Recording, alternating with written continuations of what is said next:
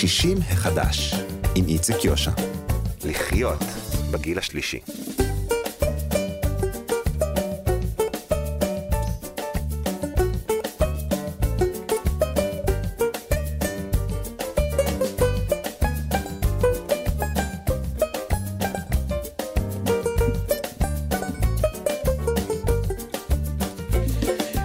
שלום לכם, מאזינות ומאזיני כאן תרבות. אנחנו במהדורה השבועית של 60 מחדש, של החיים בגיל השלישי. הבוקר אנחנו ננסה לטפל ביחד בשיניים שלכם, נדבר אה, גם על זקנים בלי ילדים, מה אנחנו יודעים עליהם בכלל. נדבר עם שאול לדני, אלוף ישראל בהליכה, שדווקא רץ במרתון, מרתון תל אביב שמתקיים עכשיו. נדבר גם על אה, זוג הזקנים ב' ודף, אה, גיבורי ההצגה נוף, שמועלית אה, בתיאטרון אלפא.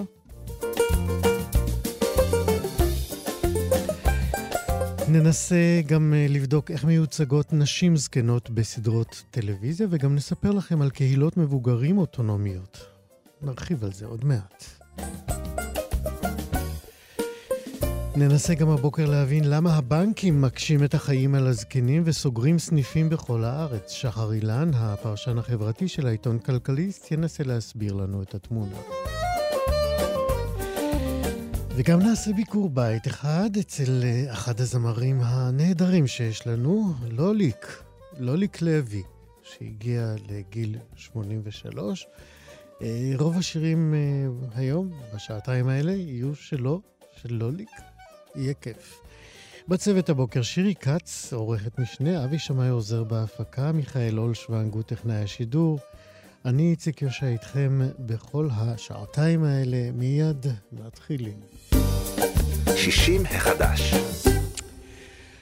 אז כמו שאמרתי לכם, היום אנחנו נפנה זרקור על uh, טיפול בשיניים uh, של, uh, שלנו, של uh, בני הגיל השלישי. אמ, בין שאר השינויים הגופניים שאנחנו עוברים, גם ללסתות ולשיניים שלנו נוצרים אה, חיים חדשים, כמו החיים החדשים שלנו, ולא תמיד אנחנו ממש מודעים להתפתחות של החיים החדשים האלה. יותר מכך, אמ, גם התקשורת בין המטופלים הזקנים לבין רופאי השיניים לא טובה דייה, אפשר לומר את זה, אה, ותקשורת טובה היא טובה לא רק תקשורת, אלא גם אה, למניעת אה, סכנות, או גם מניעה של טיפולים מיותרים לפעמים, ואולי אפילו מזיקים. נושאים רחבים נורא, וכדי לדעת עליהם יותר, הזמנו את הדוקטור בהא חאג' יחיא, שהוא מומחה לקירורגיית פנים, פה ולסתות. שלום, דוקטור בהא חאג' יחיא. שלום, שלום, בוקר טוב. מה שלומך? מצוין, תודה לאל. בוא, אה, יש מלחמה, אתה יודע, גם אה, בעולם. כן. אבל אה, זה לא המלחמה שלנו, זה לא אומר שהיא לא כואבת. נכון. אבל בוא נדבר על השיניים. ננסה להתמקד במלחמה שלנו, שיניים. בוא נגיד, נוכל לנצח מה שאנחנו מבינים אולי. בדיוק. אה, בוא, בוא. נתחיל באמת, מניתי כמה וכמה נקודות עכשיו כן, בפתיחת כן. הדברים שלי. אה, בוא, בוא, בוא נלך רגע למשהו שמכירים כולם, ריבוי תרופות. אנחנו מיד נגיע כן. לכל האחרים, אבל אה, בואו אולי נתחיל מהאזור הזה. אה, אה, מה לעשות, אנחנו מתקדמים בגיל, התחלואים נכון. גוברים, יש כל מיני תרופות על מדף התרופות של כל אחד מאיתנו. כמה באמת אה, אה, ריבוי התרופות הזה משפיע בעצם על אה, מצב השיניים שלנו? השיניים, הלסתות, כל מה כן. שכרוך בכך.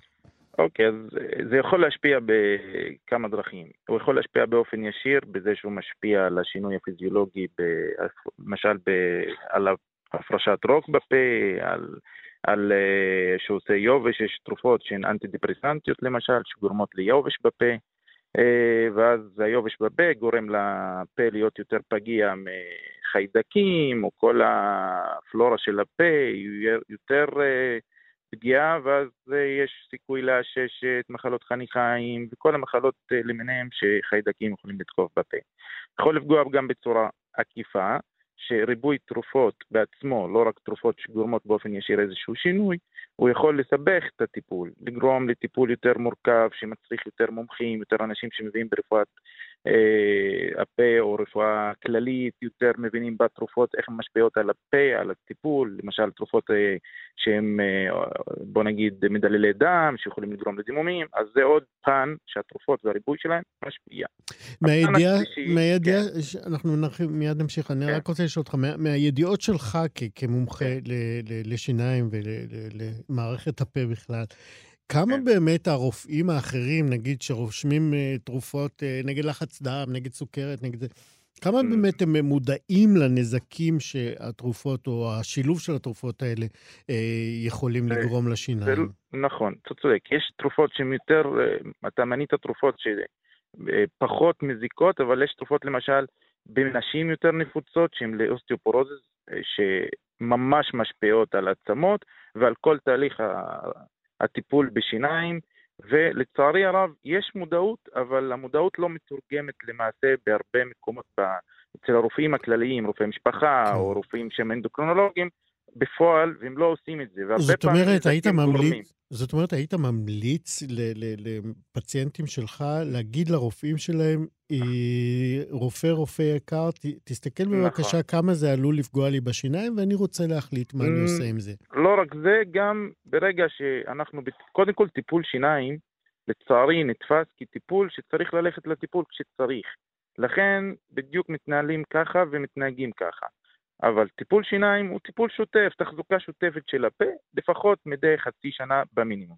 אז כשאתה בטיפול שוטף, אתה צריך גם להתייחס לזה בצורה שהיא מודעת יותר, וכל פעם שיש איזה שינוי, תרופה חדשה אצל רופא משפחה, או אצל איזה כל רופא, במיוחד בגילים המתקדמים, אנחנו כל הזמן מקבלים, איך שאומרים, מתנות חדשות לסל התרופות. אז כל פעם שאתה מקבל איזושהי תרופה חדשה, פשוט להגיד לרופא, נא אם אפשר להתייחס לזה, שאני לקראת טיפולים, באמצע טיפולים, יכול להיות שאני אהיה בטיפול כזה או כזה אצל הרופא שיניים, וגם לא להתבייש לבקש מרופא שיניים חוות דעת או איזושהי המלצה לרופא משפחה בקשר לתרופה שהוא המליץ לפני שמתחילים או נוטלים את התרופה, נכון? שזה ממש טיפ נורא יפה, כי כן. לא מדברים עליו מספיק. לא, נכון, כן. אתה צודק. התחילו לממש את זה בכמה בתי חולים, מסגרות, אבל זה רק ממש בתוך המסגרות, בקש... בקשרים בין הרופאים עצמם, ולא בהעצמה או במודעות עצמה למטופלים עצמם, כי תכלס הם החץ. המטופל עצמו הוא זה ששולט יותר. זו הדעה שלי, אבל אתה יודע. דעה אישית. אה, כן, אבל יש אה, באמת הרבה אה, חולים או מטופלים כן. שמעדיפים אה, להניח את כל האחריות אצל הרופא כאילו הוא יודע הכל. נכון, זה קצת, אתה צודק, בזה אתה צודק, אבל אין מה לעשות, צריך גם, זה שותפות, זה שותפות. רופא, ותמיד אצלי במרפאה אני אומר, ההצלחה שלי היא הצלחה של שנינו בזה ששותפות 50% המטפל ו-50% המטופל. יפה. לא משנה מה אני אעשה, אם המטופל לא יעשה את החלק שלו, שום דבר לא יצליח. אז בואו באמת נדבר על המקומות שבהם אה, אה, אה, המצב הקוגניטיבי באמת, או המצב הנפשי-רגשי, כן, אה, זה, נוגע זה... ב, ב, ב, ב, בתחלואים של השיניים שלנו. אתה אה, סיפרת לי באחת, כתבת לי שבאחד המאמרים שאתה מצאת, מדברים על קשר ממש ישיר כן. בין דמנציה לבין ירידה במצב הדנטלי. כן, יש, יש הרבה מאמרים שמדברים על זה, ואפילו יש מאמר שבוצע, שמצאתי אותו ככה, אתה יודע, לפעמים קוראים דברים בכיף בשביל להשאיר, אפילו משיבא, שבדק למשל, הקשר הישיר בין, בוא נגיד, הגילים המתקדמים והחוסר ביקור אצל הרופא שיניים, ואיך זה משפיע על אפילו איכות האוכל, איזה אוכל אוכלים, האם זה הם כאילו ברוטינים או איזה חלבונים ודברים כאלה, או, או רוצים ירקות יותר פחות, יש להם שיניים, אין להם שיניים, ואז בדקו משהו פשוט, ביקרו בשנה האחרונה, לא ביקרו בשנה, וראו קשר ישיר בין זה לבין התחלואה וסוג התזונה שמקבלים, שהיא בעצם סוג התזונה שמקבלים, במאמר אחר למשל שבדקו בקוריאה, סוג התזונה שמקבלים, האיכות שלה, הלעיסה שלה, התחינה שלה, ואיך האינטיק הזה, כאילו, סליחה על המילה, הקבלה של האוכל הזה בתוך הקיבה, ואיך הוא מתורגם למערכת הבריאותית, גם הוא בעצמו משפיע בצורה הפוכה על הדמנציה, על המצב הקוגניטיבי. מאמרים אחרים הראו קשר ישיר מובהק, סטטיסטית, בין ירידה ב... בוא נגיד, היכולת הקוגניטיבית, כמו דמנציה, אנשים עם אה, דיכאון, יש קשר ישיר בין אנשים עם דיכאון, גם מבחינה תרופתית, גם מבחינת התנהלותית, או ירידה בקוגניטיביות, או גם ירידה ביכולת אה, פיזיולוגית או מנטלית, שהיא למשל מתרגמת ביכולת שלנו לשמור על השיניים כמבוגרים. האם אנחנו תלויים בעזרה של אחרים? אז יש הרבה אספקטים. אז נדבר על הראשון, שזה דמנציה. Okay. אוקיי. שוכחים לצחצח, שוכחים לעשות את הדברים בזמן, שוכחים, אז, אז הדבר הזה צריך להתייחס אליו כרופא שיניים, שוואלה, מטופלים כאלה, אולי אני צריך להיות בקשר עם איש מהמשפחה יותר, להזכיר לו לביקורות, להיות יותר אכפתי למטופל הזה, לשים איזה הערות בתיק שלו, אה, אתה מבין? וזה מה שאני עושה עם הרבה מטופלים שלי, שאפילו לפעמים אני מרים טלפון, מדבר איתם. וזה משהו שבכלל אפילו לא ראיתי במחקרים שמתייחסים אליו, וזה רציתי לדבר עליו קצת בקצרה. בוא, עכשיו. אה, כן, למה? זה, אני, יש לי מטופלים, ואפילו אתמול חוויתי את זה בפן אישי, שראיתי ילד שהיה צמוד לכל הטיפול של אימא שלו, שעשיתי לה ניתוח מאוד גדול אתמול, במרפאה, וגם בביקור, גם בייעוץ, גם בתקשורת, גם בהכל, למשל, זו דוגמה טובה. הילד היה מעורב, כל הזמן הייתי בתקשורת עם הילד, הבן שלה, ואז הוא מבין את כל מה שצריך, גם. בן כמה הוא היה? בן 31. אוקיי. Okay. בערך. והוא היה כל הניתוח, אפילו חלק מהניתוח בא, הסתכל ויצא, אה, אה, כאילו לראות, אתה יודע, דואג לאימא, ואז הטיפול היה חלק. לא, לפעמים, אתה יודע, שוכחים, אנחנו בגיל שיש להם הרבה תרופות. אם מישהו עוזר בזה, התהליך היה ממש חלק ויותר קל. ממקור, כאילו מצד אחר, ראיתי הרבה מטופלים באים לבד, בלי ליווי, בלי זה. לא, לא נגיד מילה כמו אין להם תמיכה או משהו, אבל הייתי שמח מטופלים כאלה שיקבלו תמיכה יותר, וגם שהרופא, בוא נגיד, ידאג לזה, שהוא ינסה שיהיה להם תמיכה. כי אז התהליך יותר חלק, יותר בריא, יותר זאת נכון. זאת אומרת, כן, אני, אני מבין מה אתה אומר, זה נשמע מאוד מאוד חשוב. אני עדיין לא מדבר על אנשים לגמרי דמנטים. אנשים לא דמנטים, לא לא, כלום. לא, על אנשים שדווקא במחשבה צלולה. נכון. כמה באמת התמיכה הרגשית הזאת של מישהו שהולך איתך, כי אני, אני מבין שאתה אומר את זה, כי אתה מבין שכשבאים לטיפול שיניים, רמת החרדה היא גדולה יותר מאשר אני בא לקחת אקמול אצל רופא המשפחה. נכון. אה, כמה באמת אה, אתה אה, יוזם תיווך כזה של ילדים למטופלים זקנים, אתה אומר, בואו תצטרפו לביקור של אימא-אבא במרפאה. אני כן תומך בזה ואני יוזם, יוזם את זה לא מעט, בוא נגיד, לא מעט, אבל בכל זאת אני בזהירות לא לפגוע בפרטיות או ב... אתה יודע, ב... לא נגיד אגו, לא לפגוע בבן אדם שהוא, כי אני אגיד לך, אני מאוד זהיר עם המטופלים המבוגרים או המתקדמים בגיל, מאוד זהיר, למה? כי הם, אה, הם כבר בגיל שהם מרגישים שמתחילים לאבד איזושהי שליטה. אז צריך להיות חכם גם בגישה שלי, מהצד שלי. Mm-hmm. אז אני לא רוצה בטעות שאני בא וניגש ואני רוצה לעזור מצד אחד, אז המטופל שלי ייפגע ויחשוב שאני כאילו חושב עליו פחות, או, אתה מבין? זה כאילו ממש רגיש, צריך לעשות את זה בחוכמה. ואני מאוד רגיש לנושא הזה, זה, אני אומר תמיד, זה לא, זה לא חולשה לזהות שאנחנו צריכים משהו. דוקטור בהא חאג' יחיא, תראה איך הרחבנו את טיפול השיניים לאזורים שלא כל כך מדברים עליהם, ואני חושב שעשינו אה, משהו מאוד, אה, מבחינתי חשוב באמת אה, על, על הקשר בין הטיפול בשיניים לבין המערך והתמיכה המשפחתית והחברתית נכון. מסביב. גם היחס של הרופא עצמו, זה חשוב מאוד למטופל. כן, כן. זה, כן, אבל זה, זה, זה הקריאה לרופאים, לקולגות נכון. שלך, ואתה עושה נכון, את זה נהדר. אז אה, הנה, אנחנו קראנו מפה כרגיל. אה, הזמן שלנו קצר אה, ממה שאנחנו יכולים להמשיך לדבר, אבל אני בטוח שאנחנו נמשיך ונדבר כאן בתוכנית. הדוקטור בהא חאג' יחיא, מומחה לקירורגיית פנים, פה ולסתות. תודה שדיברת איתנו. בכיף. להתראות. 60 החדש. מה יהיה כשתזדקנו לבד? מי יתמוך בכם? איך תסתדרו? השאלות האלה מופנות לא מעט אה, לאנשים אה, ללא ילדים בישראל ומחוצה לה. אה, ובעולם שבו אוכלוסיית הזקנים הולכת וגדלה, מונחת ההנחה גם של להיות זקן בלי ילדים, זאת לא הנחה מורכבת, אבל צריך לתת עליה את הדעת, עוד מעט נעשה את זה. להיות זקן בלי ילדים זאת מציאות בהחלט מורכבת וקשה יותר. במיוחד כשמדובר בחברה מאוד משפחתית ומאוד מעודדת ילודה כמו החברה הישראלית. אה, נגיד לכם עוד שחקר ההזדקנות אה, ללא ילדים אה, הולך ומתפתח בעולם, אבל בישראל החוקרים כמעט ולא נותנים את דעתם למגזר הזה של זקנים בלי ילדים. אבל מי שבכל זאת צוללת אל המורכבות הזאת של החיים של זקנים בלי ילדים היא סמדר פרייברג, היא דוקטורנטית מאוניברסיטת בר אילן, והיא גם האורחת שלנו עכשיו. שלום סמדר. שלום, שלום, נעים מאוד, שמחה להיות כאן. גם אני. קודם כל, באמת מילת הערכה על עצם הבחירה לעסוק בפלח האוכלוסייה הזאת. מתי הבנת, או מתי התחלת אה, להבין שבעצם יש כאן אוכלוסייה הולכת ומתרחבת אה, כזאת של אה, זקנים בלי ילדים? אז אני אומר באמת שהבחירה בנושא הזה הגיעה גם ממקום אישי וגם ממקום מקצועי.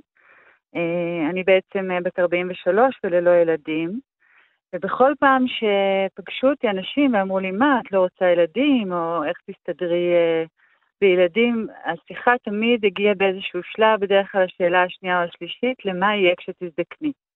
כשתזדקני תהיי לבד, כשתזדקני לא יהיה מי שיטפל בך, וככה זה התחיל באמת להעסיק אותי, המקום הזה. אה, כשאני, במחקר שלי ובכלל בתפיסה שלי, אני שמה סימן שאלה. בתוך האמירה הזאת או הקביעה הזאת שכשאנשים מתבגרים בלי ילדים בהכרח יותר קשה להם, אני חושבת שזו שאלה שצריך לבחון. אה, וברובד המקצועי, אני באמת אה, בשנים האחרונות עובדת עם אוכלוסיית הזקנה ושמתי לב שלפחות בהיערכות של השירותים החברתיים, יש הפנייה יותר רחבה של משאבים לאוכלוסייה הזאת. כלומר, אה, אין איזושהי מדיניות מוצהרת שרואה באוכלוסייה הזאת אוכלוסייה בסיכון, אבל בהחלט אוכלוסייה שעלולה להיות יותר נזקקת. ולכן גם אם באופן לא פורמלי, יותר משאבים של זמן, של קשר, מופנים למי שמוגדרים זקנים ללא ילדים. וזו בעצם המוטיבציה שלי ככה לעסוק בנושא הזה. יפה. אז אה, בואי ננסה ככה לקחת מבט אה, אה, מהגדול אל הקטן על איך זה נראה בעולם, ונחזור שוב אחרי זה אלינו. ממה שאת מכירה מספרות העולם, ספרות המחקר או אחרת, שעוסקת בהיבטים הייחודיים האלה של הזדקנות בלי ילדים, אה, איך, איך נראים באמת החיים אה, של האנשים האלה? בהיבטים, אה, תבחרי את, יש לזה הרי המון היבטים רגשיים, משפחתיים, מגדריים, כלכליים, הכל. תבחרי את ככל שנספיק. אוקיי, okay, אוקיי, okay. אז באמת, כמו שאתה ככה מיטיב לציין, האוכלוסייה של זקנים ללא ילדים היא אוכלוסייה מאוד הטרוגנית, צריך להתחיל עם זה. אז ככה אני באמת מסייגת את כל מה שאני אומרת אה, כמאפיינים שהם בהכרח של כלל האוכלוסייה, כי יש הרבה היבטים ייחודיים, למשל, ציינת את הנושא של מגדר, אז מחקרים מראים שמצבם של נשים ללא, אה, זקנות ללא ילדים הוא יותר טוב אה, מבחינת השכלה, מבחינת אה, מצב כלכלי, מבחינת רווחה נפשית, מאשר למשל גברים זקנים ללא ילדים בעולם.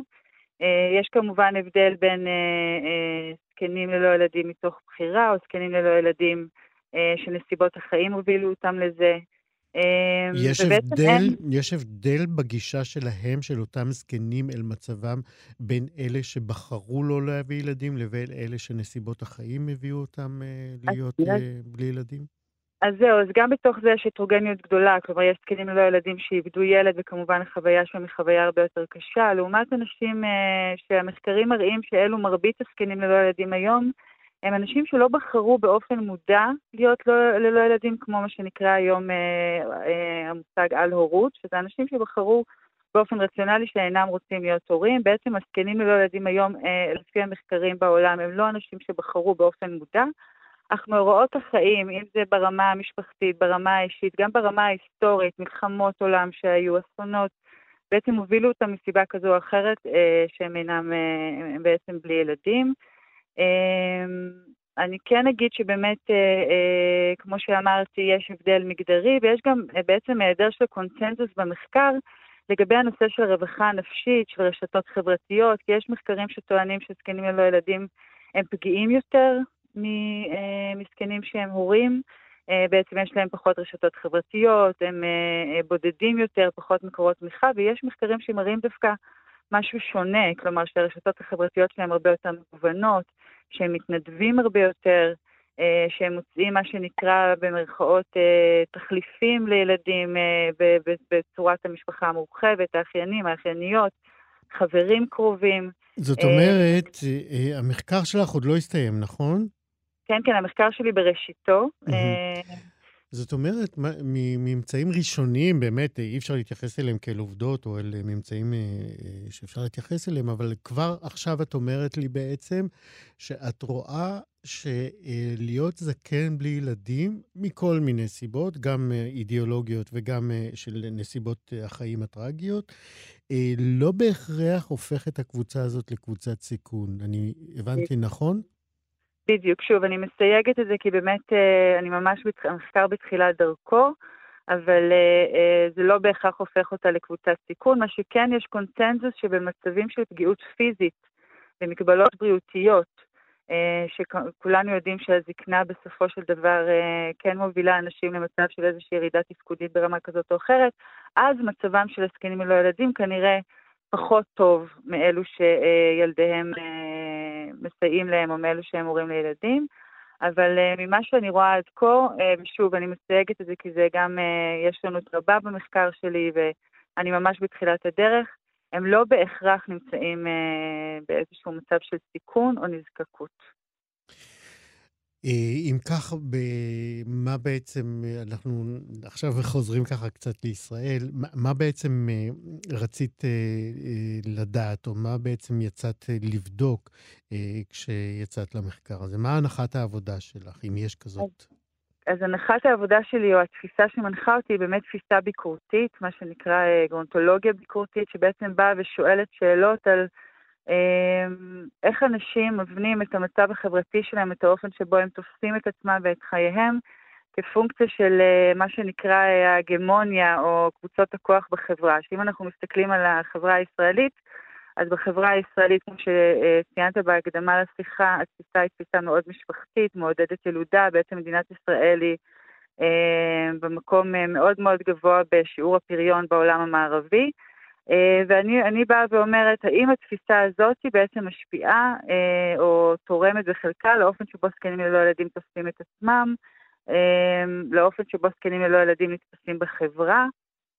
אני אגיד במקרה הזה שממש אין כמעט מקורות ידע שאני מצאתי בישראל שהם באמת מחקריים, מדעיים על האוכלוסייה הזאת, מה שכן מצאתי ללא באמת ככה שיעור מאוד מאוד גדול של כתבות שמציגות אה, אנשים אה, עריריים, מה שנקרא, אמ, שנמצאים בביתם לאחר שבועות של הזנחה, אה, אנשים במצבים מאוד פגיעים, במצבים מאוד קשים, בלי בכלל לבחון את הנושא שאולי יש כוחות ואולי יש יכולות ואולי יש עוצמות בעצם, שנמצאים אצל זקנים ללא ילדים, ואפילו, ואולי הקהל שלי ככה יופתע לשמוע את זה, הקהל שלנו יתרונות בלהזדקן ללא ילדים ולא רק חסרונות. זאת באמת? נקודת המבט שאני יוצאת ממנה. אוקיי, זאת אומרת, יש יתרונות בהזדקנות עם, עם בלי ילדים. אה, אה, ז, זאת נקודה מעניינת, אני מניח שאת תעמיקי ותבססי אותה במעלה, במעלה המחקר שלך. אה, נכון. אני מניח שגם אה, אה, בדקת, או ניסית לפחות לדעת באיזה היקף אוכלוסייה מדובר. יש לך נתונים על כמה זקנים כאלה בלי ילדים מ-65 ומעלה חיים בישראל? אז זהו, זה מאוד מעניין, כי ככה בפנייתי ללשכה המרכזית לסטטיסטיקה אין נתונים רשמיים על התופעה הזאת, אבל מעיבוד סטטיסטי, סטטיסטי שאני עשיתי, שהוא באמת מאוד ראשוני, יש כ-70 אלף זקנים ללא ילדים שחיים במדינת ישראל. שהם בין 7 ל-8 אחוז. זה מפתיע, נכון, זה מדהים. נכון, כן. נכון, נכון. בין 7 ל-8 אחוז מכלל אוכלוסיית המבוגרים מעל גיל 65 בישראל. זו תופעה שבהחלט אה, לא ניתן להתעלם ממנה, לא מדובר בכמה עשרות או בכמה מאות או בכמה אלפים, ולכן אני חושבת שהמחקר שלי אה, הוא מאוד מאוד חשוב, ומה שחשוב הוא באמת להשמיע את הקול של האנשים האלה. ולא להתבסס על כל מיני הנחות חברתיות כאלה ואחרות, גם אם הם מגיעים מכוונות טובות. אה, וזה באמת מטרת המחקר שלי, לבוא, אני באה ושואלת אנשים, איך זה להזדקן בלי ילדים בכלל, איך זה להזדקן בלי ילדים בישראל, איך הם רואים את יחס החברה הישראלית לאוכלוס... לזקנים ללא ילדים, ושאלות ככה. ומן הסתם גם תעשי חלוקה של מניעים אידיאולוגיים למצבים שהחיים זימנו. כן, תהיה, תהיה חלוקה, ככל שבאמת אני אעמיק במחקר ויהיו לי יותר ויותר uh, משתתפים, אז אני אוכל באמת לראות את האפיונים השונים, ועל פיהם uh, להוציא את הנושאים המרכזיים שמעסיקים אותם. Uh, נשמע כן. מחקר מאלף, מרתק. אנחנו ממש סקרנים כבר לראות את התוצאות ולהבין עוד יותר את התמונה של אותם זקנים בלי ילדים בישראל. למעלה מ-70 אלף, את אומרת. כן, 70 אלף כן. בדיוק, כן. יש, לך, יש לך לוח זמנים לסיום המחקר, או שככל כן, שיימשך? כן, אני מאמינה שב, כן, שבחצי שנה הקרובה אני ככה אסיים את כל הרעיונות שלי אה, ואת המפגש באמת עם, ה, עם אנשים. אני נוסעת ממש ברחבי הארץ, אה, לפגוש אנשים, כי כמו שאמרתי, זו לא אוכלוסייה שהיא מאוד מאוד אה, נגישה מהבחינה הזאת שהיא לא מאוד מאוד מדוברת, אז, אז אני ממש ככה... אמ, אמ, מראיינת אנשים אה, בכל מקום שאני יכולה, ואני מקווה שתוך חצי שנה אני אסיים את המחקר ויהיו לי ככה מבצעים ראשוניים משמעותיים, ואני מאוד אשמח לחזור לתוכנית ולהציג אז אותם. אז הנה, זה מה שרציתי להגיד, יש לך כאן הזמנה פתוחה, אה, ממש ברגע שהמחקר שלך אה, מעלה נתונים מובהקים, או לפחות כאלה שאפשר להתייחס אליהם, את מוזמנת לחזור אלינו. סמדר פרייברג, תודה על השיחה הזאת, תודה על המחקר ובהצלחה. תודה לך. אני יכולה רק לנצל דקה אחרונה אה, לבקש אם יש משתתפים שמאזינים לנו שהם זקנים ללא ילדים. בטח. ניתן ליצור איתי קשר ב-053-257-3658.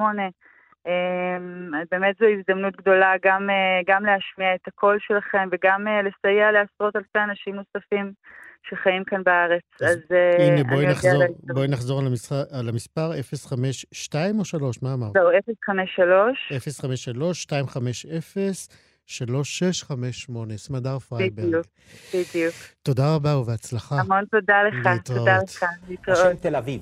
השם הזה נקבע כשמה של העיר העברית הראשונה. זה דן אלמגור שמזמין את לוליק לשיר את הגרסה שלו ליד הענוגה.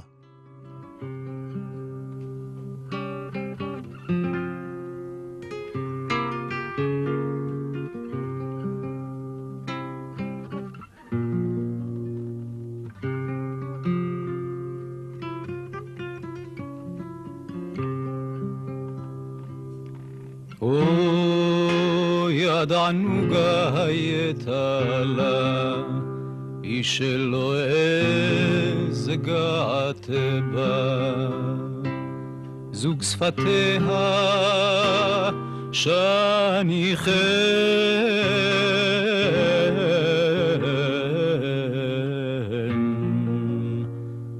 רק לי נשיקות נוצרו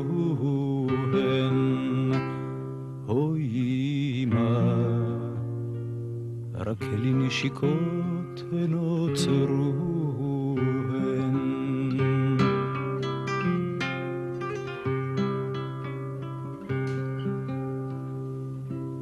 או עין שחורה הייתה לה, אור בצל התנגשו בה. עלי מצחה רעדו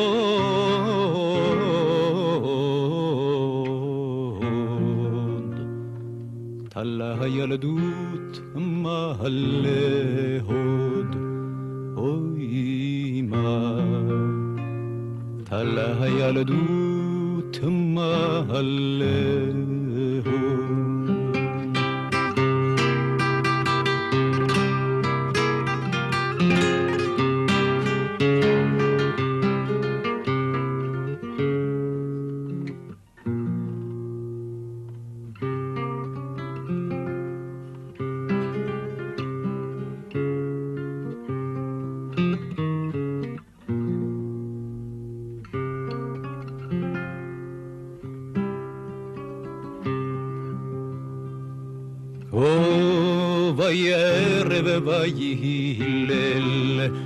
חרש נשק צל אל צל.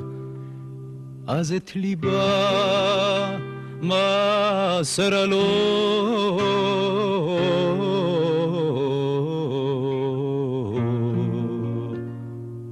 את כל ליבה מסרה לו אוי אמא. את כל ליבה לו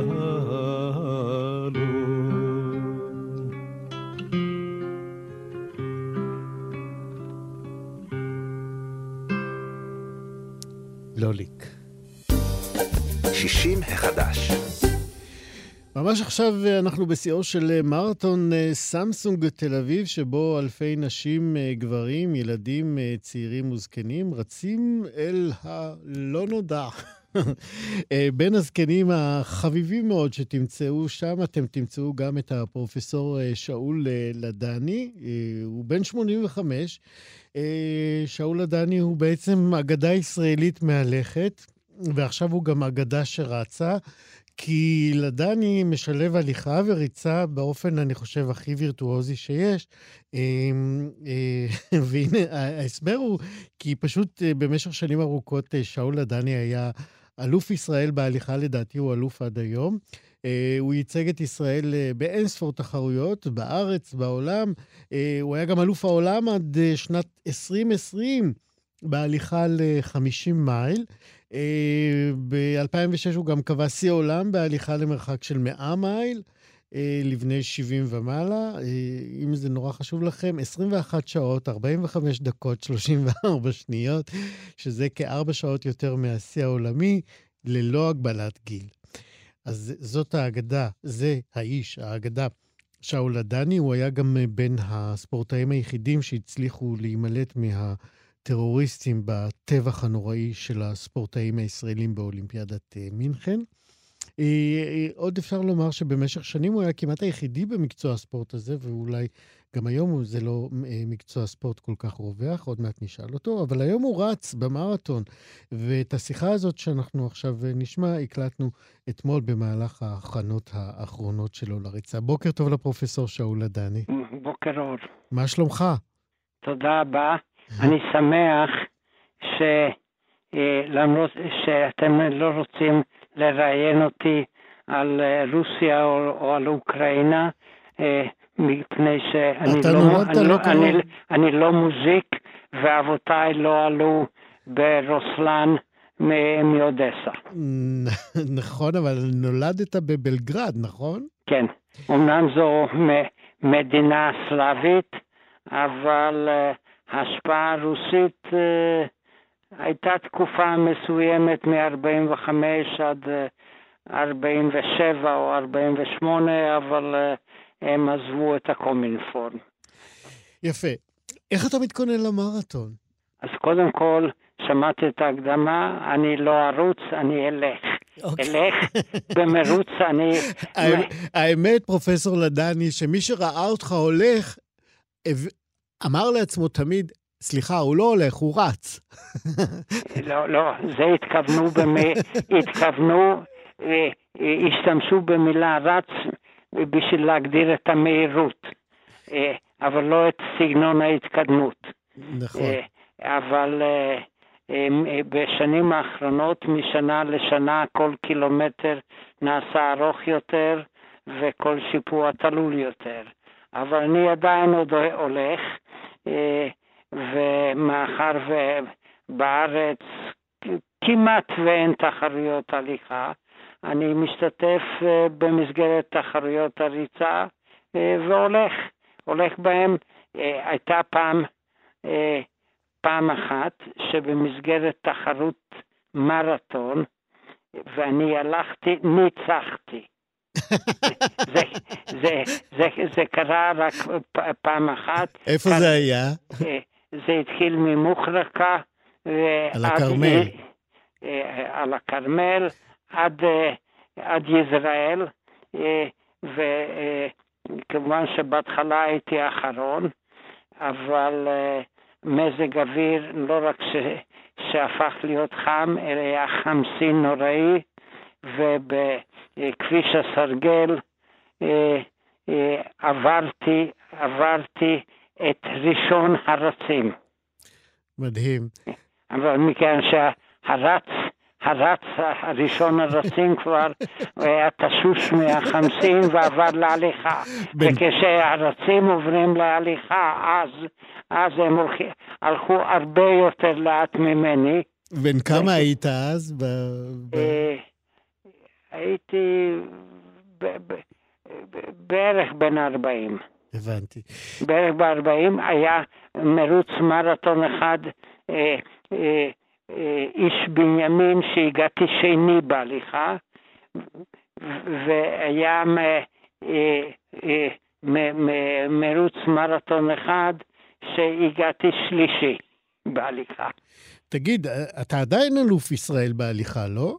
אה, ככה, אה, אה, קודם כל, אה, אה, תלוי מה אתה קורא, אין כעת אליפויות. אליפויות זה תמיד לשנה מסוימת.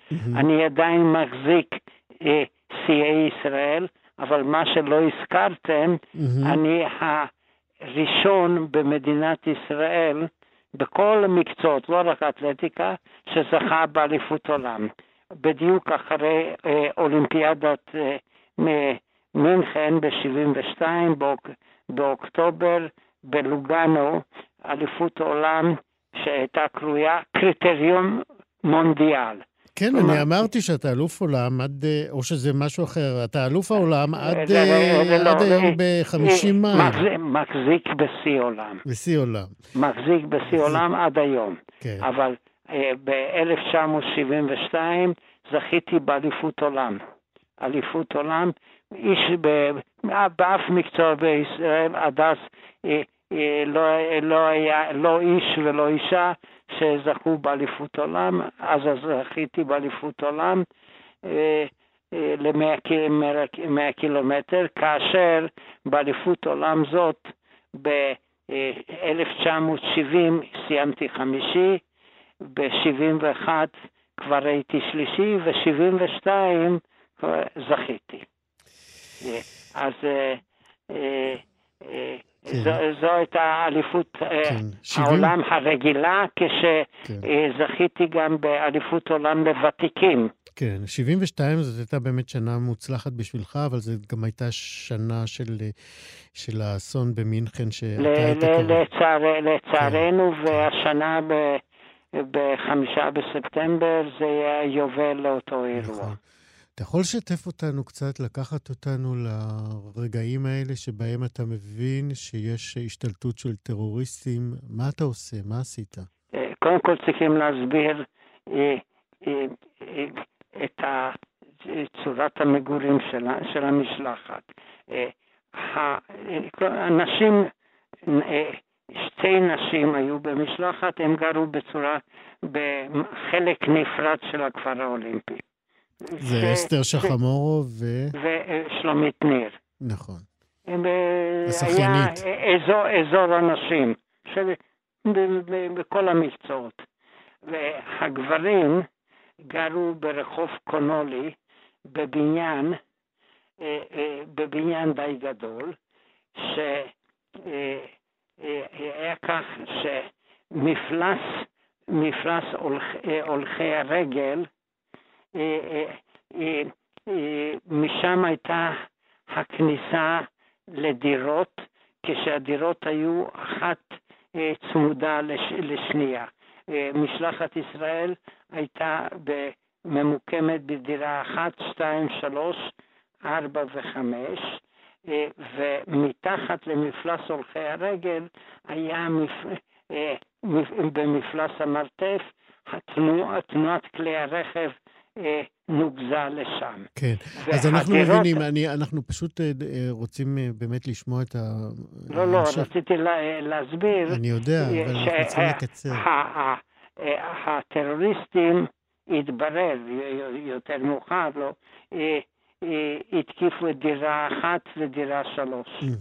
אני, אני, אני ועוד אחדים היינו בדירה מספר שתיים. ואז, באמצע. אז מה, שמעת יריות ואז לא, ברחת? אני, יש- אני, אני ישנתי. אה, עוד ב- בשעה אחת בבוקר עוד מסרתי אה, שעון מעורר למאמן אה, מוני, משה ויינברג, בדירה כן. מספר אחת, והלכתי לישון רק בסביבות שעה שלוש. ופתאום בבוקר מישהו נוגע בי, אה, ואני פותח את העין, בכל הדירות היו קוטג'ים שהם מחוברים במדרגות לולייניות פנימיות. מהקומה השנייה אה, אה, אחד נגע בי ואומר לי, מוני, ערבים הרגו את מוני, ונעלם. ואז בלי לחשוב, ככה פתחת את, פתחת את עיניים, בן זוגי לחדר כבר ישב על מיטתו והתחיל להתלבש, ואני ככה רק הכנסתי את רגליי לנעלי הספורט שלי, וניגשתי לדלת הכניסה של הדירה שנפתחה פנימה ונעמדתי. ואז שם ראיתי מימיני במרחק כארבעה עד חמישה מטרים מישהו בפתח הכניסה אה, לדירה מספר אחת, אה, אה, עם פנים שחומים, הסתכל קדימה, ומולו מולו היו ארבע אנשי המשמר של, של הכפר האולימפי במדים ללא נשק, ביניהם שתי נשים, והקשבתי. אחת הנשים האלו פנתה אל הזשק, השחום הזה, אה, עם, עם כובע, ו, אה, ופנ... וביקשה ממנו שיאשר לצלב האדום להיכנס ולהגיש עזרה. והוא סירב, והשוטרת, או השומרת הזאת, ניסתה לשכנע אותו ואמרה, תהיה אנושי. אמרה זאת או בגרמנית או באנגלית, אני מדבר את שתי השפות, ו, והוא ענה, היהודים גם כן לא אנושיים. וזה, מיד הבנתי שמשהו קרה, סגרתי את הדלת, עליתי במדרגות הלולייניות לקומה שנייה אה, של הדירה שלנו, שבחדר השינה הקדמי, כל אנשי הדירה שלי היו מרוכזים, ושאלתי בדיוק מה קרה. אז אחד הסיט את הווילון מעל, אה, אה, מהחלון הקדמי והצביע מבעד לחלון ברצפה בכניסה לדירה מספר אחת, ואומר, אתה רואה שם את הכתם הכהה, זה מאדם של מוני, זה אותו אחד שנתתי לו את השעון מעורר כמה שעות לפני זה, קודם הגבייה שלו הייתה שם. אגב, זה שעמדתי כארבעה, חמישה מטרים מימינו, כשהייתי ליד דלת הכניסה, התברר יותר מאוחר, זה היה ראש צוות הטרוריסטים. ואז מישהו כששם למעלה אמר, הערבים האלה ינסו אולי לפגוע בנו או לתפוס אותנו, בואו נסתלק. כולנו ירדנו במדרגות הלולייניות אה, לקומה הראשונה, לחדר השינה האחורי שלי, ו, אה, ואחד אה, פתח את, את, את דלת הזזה האחורית למרפסת הגינה שהייתה בגובה, בגובה של הדשא אה, וניגש שם למרפסת ובזיגזג התחיל לרוץ, לרוץ ולהסתלק אה, מהבניין. הדשא היה משופע מדרון כלפי מטה. אני התחלתי ללבוש מעל הפיג'מה את הטרנינג, כשסיימתי ללבוש את טרנינג, כל השאר מהדירה כבר כולם הסתלקו. ואז אה, אני יצאתי גם כן למרפסת הגינה, והלכתי לאורך הבניין שלנו, לאורך המרפסות, עד לדירה מספר 5, להזהיר את ראש המשלחת. שאול עדני, פרופסור שאול עדני, תודה רבה ששיתפת אותנו שוב בזיכרונות הקשים האלה מטבח הספורטאים במינכן, אבל היום אתה רץ במרתון תל אביב. הלך, הולך. הולך, רץ. תשמע, זה לא יעזור לך, כשרואים אותך הולך, רואים בן אדם רץ, למרות שקוראים לזה הליכה. אבל אנחנו מאחלים לך בריאות נהדרת, שתמשיך uh, ללכת uh, כמה שיותר מהר, ובהצלחה מחר בהליכה במרתון. תודה רבה. להתראות. להתראות כל טוב. 60 החדש.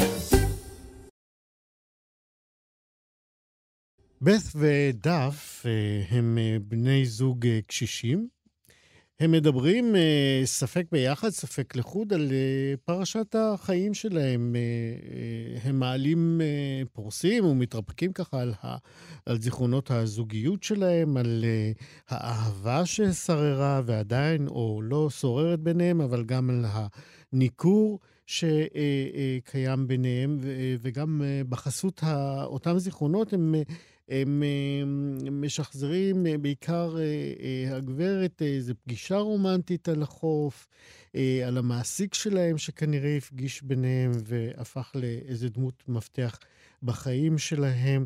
הם מדברים באמת כמעט על הכל, על כמיהה ועל בגידה ועל פרחים ועל שמש וים ועל כל מיני אה, אה, כוחות טבע אחרים שעושים את החיים אה, אה, טובים או לא, עוד מעט אנחנו נדע עליהם יותר. אה, וכל זה מתרחש אה, בהצגה שמועלית בימים האלה בתיאטרון אלפא. מדובר בהצגה ששמה נוף, של הרולד פינטר, חתן פרס נובל, ואת ההצגה הזאת תרגם וגם ביים הפרופסור אבי עוז. רק נגיד שכוכבי ההצגה הם ענת הרפזי ויצחק חזקיה. פרופסור אבי עוז איתנו עכשיו. שלום. שלום לך. תן לנו בבקשה עוד uh, ככה קווים uh, לדמויותיהם של uh, בת ודף. כן, uh, מצד אחד הם הכי טריוויאליים כביכול, סליחה, הם הכי טריוויאליים שאפשר לדמיין, כן? הם זוג מבוגר, שכנראה הם זוג נשוי, והם, uh, כפי שאמרת, מדברים על חייהם, כי הם בגיל די מתקדם. Uh, מצד שני, יש ביניהם הבדל גדול. uh, בית היא בעצם שקועה כרגע בתוך בועה. היא מדברת את אה, זיכרונותיה או דמיונותיה, תכף אגיד משהו על העניין הזה במחזה נוב של פינטר, אבל אה, ברור לגמרי שהיא לא מתייחסת לדברים שקורים ברגע האמת שבו הקהל רואה את ההצגה במציאות. כן, יש איזה מין אה, אה דיבור מנותק ביניהם. בדיוק. אה, דף אה, לעומת זאת, אגב, מי שמכיר אה, את מקבט של שייקספיר, יזהה מיד שבעצם שתי הדמויות לא לקוחות מן העין, אלא הן לקוחות מהמחזה הזה. פינטר כתב את המחזה כשאשתו הראשונה, ויביאנט מרשנט, שחקנית מאוד ידועה בשעתה, שיחקה מקבט ב-Royal Shakespeare Company, והם גרו באיזה מין בית זכור לא רחוק מסטרטפורד אפון אייבון, ובשעה שהיא שיחקה במקבט, הוא ישב וכתב את המחזה הזה, כשלשתי הדמויות קוראים בת, כמו מקבט, ודף, כמו מקדף, שני, שתי דמויות מרכזיות במחזה של שייקספיר. מכל מקום, אה, דף הוא הרבה יותר ארצי, הרבה יותר מה שהאנגלים קוראים down to earth, והוא מדבר על דברים שקרו אתמול, או ממש uh, הבוקר. כן. כן. ובכל מקרה, גם כשהוא מעלה uh, זיכרונות, הזיכרונות האלה הן למעשה דברים uh, שקשורים להוויה יומיומית. מרגע של uh, אפילו אהבה, שהוא עוקב אחריה כשהיא משתקפת בחלון בלילה, אבל זה ממש לגמרי לא אה, אה, דמיוני, לא מדומיין, אלא זה ממש ברור לגמרי שזה תיאור מדויק. ועד uh, ממש ברגע האחרון, כשהוא uh, לוקח אותה כמעט בכפייה למעשה של סקס או של... Uh, אנחנו לא יכולים לדעת אם יש פה אונס או לא, אבל יש פה ללא ספק משהו מאוד מאוד לא כוחני. מעודן. כן. כן. Uh, ולעומת זאת, uh, בעת מדברת על איזה יום, כמו שאמרת, יום רומנטי מסוים, עם המאהב שלה, שמעולם לא נאמר לנו שזה דף, אם כי אנחנו יכולים לשער שזה דף בהיותו צעיר, אבל פינטר, כמו תמיד, משאיר את זה באיזה סוד מסוים. והיא מתארת את אותו הרגע שבו הם שפכו על שפת הים והיה שמש והוא הביא אותה כדי שתצייר למקום, לאיזה חוף מרוחק. והדבר הזה חוזר כל הזמן במין לופ כזה, שהיא חוזרת אל אותו הזיכרון, אבל, וכאן נקודה שמאוד חשוב לציין אותה, קשה מאוד להבין אם זה זיכרון, או דמיון, או עירוב בין השניים. כי המחזה נוף הוא למעשה, הייתי אומר, נקודת מפנה ביצירתו של פינטר. הסוד הזה, שאנחנו לא יודעים משהו מעבר לסיטואציה הריאליסטית, קיים גם במחזותיו המוקדמים יותר, במסיבת יום הולדת, במנהל הבית, כן, החדר, אבל נוף בעצם אה, עצר מלכת את העלילה המתפתחת, כמו שיש לנו במחזות הקודמים שהזכרתי, mm-hmm. ובעצם אנחנו נמצאים בנקודת זמן שבה ההתפתחות היא בעצם זיכרון. ההתפתחות היא בעצם ניסיון לחזור ולשחזר איזה שהם רגעים מאיזשהו עבר, אבל העבר הזה יכול להיות שהוא זיכרון, יכול להיות שהוא מדומיין, יכול להיות שהוא שיתוף בין אה, שני הדברים. ומכאן ואילך, למעשה, רוב המחזות שהוא כותב, הם בדיוק בז'אנר הזה. עכשיו, זה לא ז'אנר חדש. אני מזכיר לך שאדיפוס המלך, למשל, כן, אחד המחזות החשובים ביותר של הדרמה העולמית, כן, של סופוקלס, mm-hmm. הוא גם כן מחזה, איך קוראים לו במינוח מקצועי, מחזה אנליטי. הוא לא מתפתח קדימה, אלא הוא מתפתח מהרגע הזה אל הזיכרון. כן. אנחנו צריכים לסיים עוד אה, דקה, אבל אה, אני בכל זאת רוצה לשאול אותך, האם היחסים בין בית לדף אה, כזוג קשישים, כאשר אחת מדברת במישור אחד, הוא מדבר במישור אחר, נותנים לצופה, למי שרואה את זה, תחושת ייאוש, או שאולי בעצם איזה סוג של השלמה? יכול מאוד להיות שיש השלמה בשני הדברים האלה, משום ש... אה, אה, מעניין, המשפט האחרון שהיא אומרת, אחרי שיש שם איזה רגע מאוד אלים, של זיכרון מאוד אלים שהוא מתאר, היא אומרת, או אהובי האחד אמרתי. זה המילה, המשפט שמסיים את, המחזה. ואני יכול לומר שמהתבוננות אה, בצופים שמסתכלים במחזה, ישנם אנשים שאומרים, אני בכיתי כל הזמן. אמרו לי איזה כמה וכמה אנשים. וישנם אנשים שיוצאים uh, בעצם, uh, כמו שמתארים לי, חוויה פיוטית מטהרת. ככה שאני לא חושב שיש פה ייאוש, אני חושב שיש פה בהחלט סוג מסוים של השלמה. של השלמה. כן, נהדר. מתי אנחנו נוכל לראות עוד את ההצגה? שני המחזור, שני, שתי ההופעות הקרובות הם ב-23 וב-24 במרץ. אה, אני מאוד מאוד ממליץ לראות דואט משחקי נפלא. כן, אנחנו מצטרפים להמלצה. הפרופסור אה, אבי עוז אה, במאי, והוא מתרגם ההצגה נוף בתיאטרון אלפא. תודה שדיברת איתנו. תודה רבה. להתראות.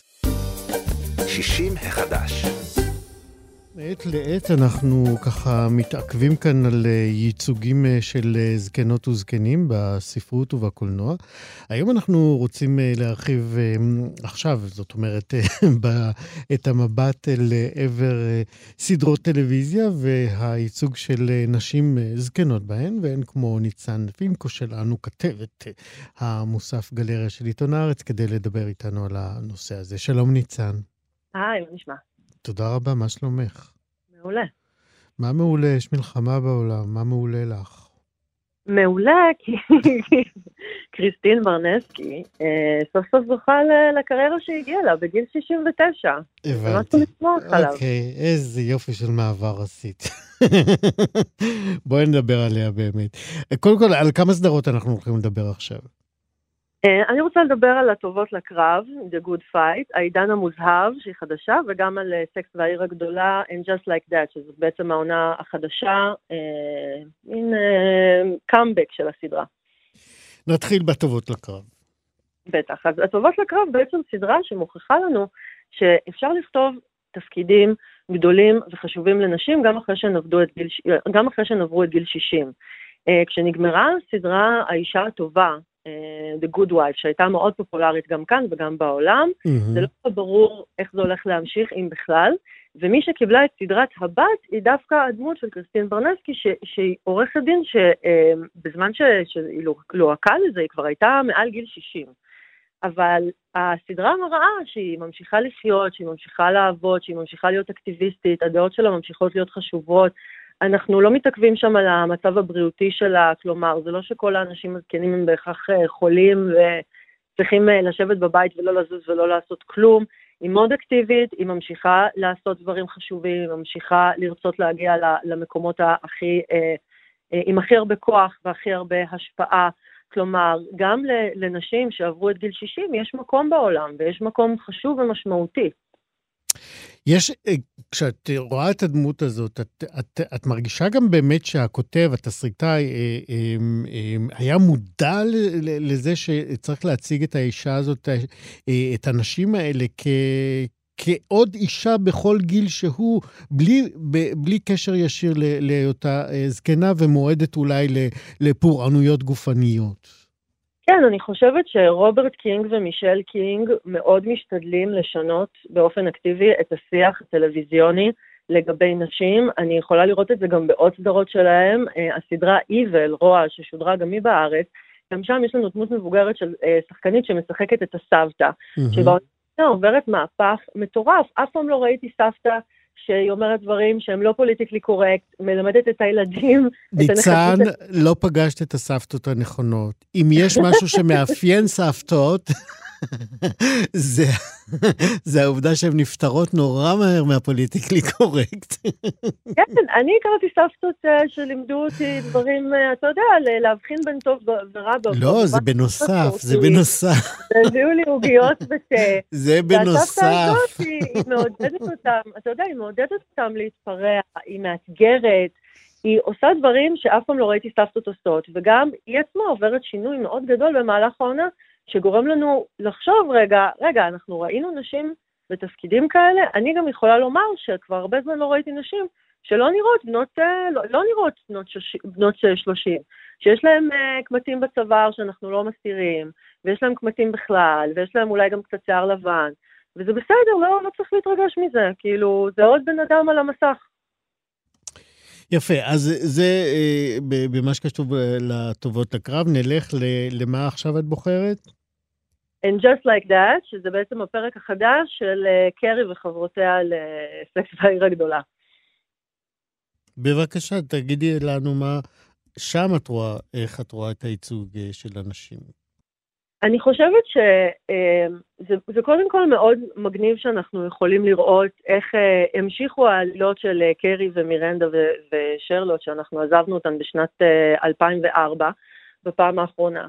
ופתאום אנחנו, אנחנו רואים שקרי מתמודדת עם אובדן מאוד גדול של בעלה, מיסטר ביג, שזו סיטואציה שקורית לנשים גם בגילאים, גם בגילאי ה-60 המוקדמות. Mm-hmm. אה, ופתאום היא נהיית אלמנה יחסית צעירה, משהו ש, שאנחנו, ש, שקשה לראות. כאילו, קשה לראות מישהי, דמות שאנחנו אוהבים, שעקבנו אחריה במשך עשורים, מתמודדת עם אובדן. וזה נותן לנו איזושהי הצצה לעולם של נשים שצריכות עכשיו uh, להתמודד עם מציאות שבה בן אדם שהם חשבו שהן הולכות להעביר איתו את החיים, לא יהיה שם. ופתאום צריכות להתחיל חיים חדשים בגיל 60.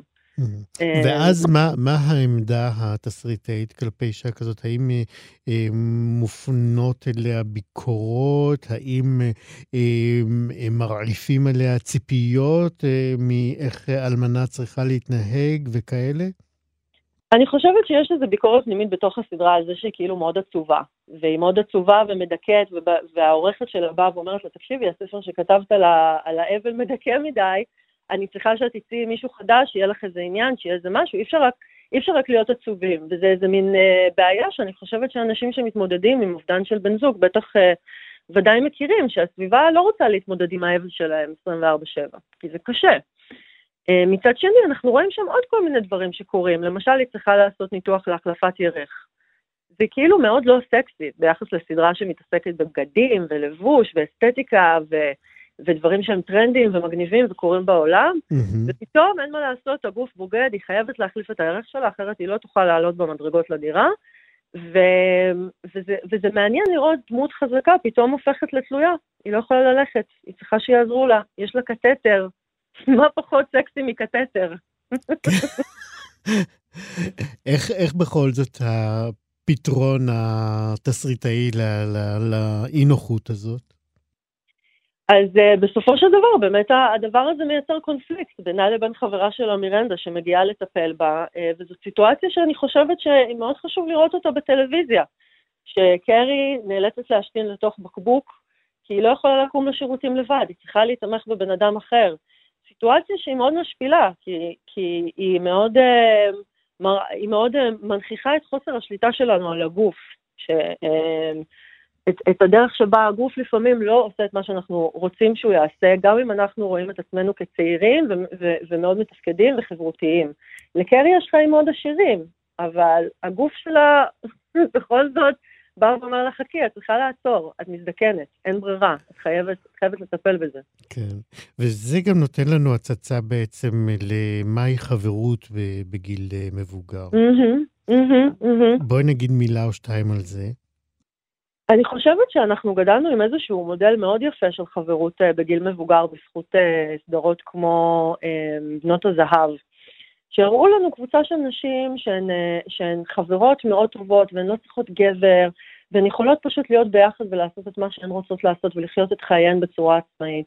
ואני חושבת שהסדרה סקס והעיר הגדולה בעונתה האחרונה באמת לוקחת את הרעיון הזה שלב אחד קדימה, ואנחנו מגלות שכשקרי מאבדת את בעלה, אז המשפחה שנוצרת לה היא החברות שלה, והן באמת תמיד שם בשבילה, אה, נוכח המגבלות הרבות שלהן, אה, ויש בזה משהו מאוד עוצמתי, בהבנה שגם אם אנחנו חווים אובדן, עדיין יש לנו איזושהי רשת ביטחון שתהיה שם בשבילנו. שהיא לא בהכרח המשפחה. שהיא לא בהכרח המשפחה הביולוגית שלנו. כלומר, אני, אני בטוחה שזו חוויה ש... היא גם לא כל כך מדוברת, כי אנחנו לא רוצים לדבר על, על אובדן ועל אבל, בטח לא על אובדן אה, טרגי כזה, כפי שאנחנו רואים בסדרה של מישהו שלכאורה היו לו עוד הרבה מאוד שנים, ועקב תאונה אה, נפטר בגיל יותר אה, צעיר ממה, ש, ממה ש, ש, שחשבנו. ו, ובכל זאת החיים ממשיכים. הטון של הסדרה הוא אופטימי, למרות שבמרכז שלה יש אבל. וזה משהו שאני חושבת שמאוד מאוד חשוב לנשים לראות, ש... גם אם את בת uh, מעל 60 ורווקה, וגם אם את בת, בת מעל 60 ואלמנה, עדיין יכולים להיות לך חיים טובים ומאושרים. זאת נימה נעימה לעבור לסדרה הבאה. כמה יש לנו עוד? שתיים או אחת? זהו, אין לנו יותר. אין לנו יותר? אני נורא רוצה להמשיך לדבר איתך. את קריסטין ברנסקי, סליחה, שכחתי, מהסדרה שנקראת באנגלית The Gilded Age ומשודרת אצלנו תחת אה, העידן המוזהב. אמ, ושם יש לנו באמת איזשהו, אה, שוב, איזשהו אה, אמ, אמ, ייצוג של הגיל המבוגר, שגם הוא לא משפיל והוא לא, לא אה, פוגעני, אלא משהו שהוא מאוד מכבד ומאוד, דווקא יש בו מידה גדולה של הדר. אני מרגישה שבזכות הליהוק של קריסטין ברנסקי, שהיא כמובן שחקנית עטורת פרסים, והיא זכתה באמי ובטוני, ובכל כך, ויש לה קריירה כל כך כל כך אה, אה, עצומה, אבל אני חושבת שבעשור הקודם לא היינו רואות תפקיד כמו שלה. לא היינו, כלומר מאוד מאוד היה קשה עד לפני כמה שנים לראות נשים בגיל הזה על המסך, מגלמות תפקידים אה, כלשהם. וזה שהקריירה שלה פורחת ככה, עם סדרה כל כך מדוברת, שהיא עתירת תקציב, וסדרה שהיא, אה, שמדברת על אה, דרמה תקופתית בעצם, ש, שמצריכה הרבה מאוד משאבים כדי להחזיר אותנו לניו יורק של אה, תחילת המאה ה-19, אה, זה מאוד מאוד משמח אותי, זה מראה שיש לזה מקום, מראה שאנשים רוצים לראות גם שחקניות לא צעירות על המסך, רוצים סיפורים של זקנה, של סוף החיים. כלומר, הדמות שאנחנו רואים בעידן המוזב היא דמות שהשיא שלה הרבה מאחוריה, היא יודעת את זה, כולם יודעים את זה, כולם מדברים על זה, ובכל זאת היא מתעקשת לשמר את המעמד שלה ולא מעניין אותה. זהו, השאלה אם באמת זה רק עניין של שימור המעמד, או ברצון או, או כוונה מאוד מובהקת או מוצהרת להגיד, לא, העבר, החיים שלי לא מאחוריי, החיים שלי עכשיו הם ההתחלה של החיים הבאים שלי, יימשכו כאשר יימשכו. שזאת עמדה אחרת לגמרי. כן, אני חושבת, אני לא רוצה גם לעשות ספוילרים, כי זו סדרה שעדיין לא, לא הסתיימה העונה שלה. לא, זה אני... לא, לא עניין של פלו, אה, ספוילר, זה עניין של, של גישה, של איך מתייחסים לתקופת הגיל הזאת. כן, אני חושבת שהגיל בסדרה הזאת הוא לא ממש אישו. כלומר, בסקס בעיר הגדולה הגיל הוא כל הזמן אישו. כל הזמן מדברים על השיער הלבן, על הקמטים, על ניתוחים, כל הזמן יש את זה, זה, זה, זה לא מרפה. העיסוק הוא כמעט אובססיבי. ודווקא בעידן המוזהב, אנחנו, ברור לנו שהיא מאוד מבוגרת, אבל לא, לא ממש רלוונטי לנו אם היא בת 40, אם היא בת 50, בת 60, זה לא משנה. היא כן. כבר גידלה את המשפחה שלה ויש לה את הילדים ויש לה איזושהי, איזושהי, יש לה איזושהי יציבות שהיא מאוד נהנית ממנה, היא אוהבת את החיים שלה, היא לא סובלת. ניצן פינקו, היה כיף לדבר איתך כרגיל. גם איתך, תודה רבה. תחזרי אלינו. בשמחה רבה. להתראות. ביי, להתראות. אף פעם לא מאוחר מדי. עכשיו, שישי מחדש. כאן תרבות. רקמה הם ראשי תיבות של רשת קהילות מבוגרים אוטונומיות לבני 65 פלוס והיא פרוסה בכל רחבי הארץ. הרשת הזאת בנויה על בסיס מגורים גיאוגרפי ועל בסיס עניין משותף. עוד מעט אנחנו נרחיב על זה. החברים בקהילות האלה פועלים לפיתוח, ללמידה, לבריאות ולתמיכה הדדיים. ובתוך כך תוך כדי הפעילות הזאת הם גם פועלים לקידום איכות החיים בסביבה שבה הם חיים ופועלים.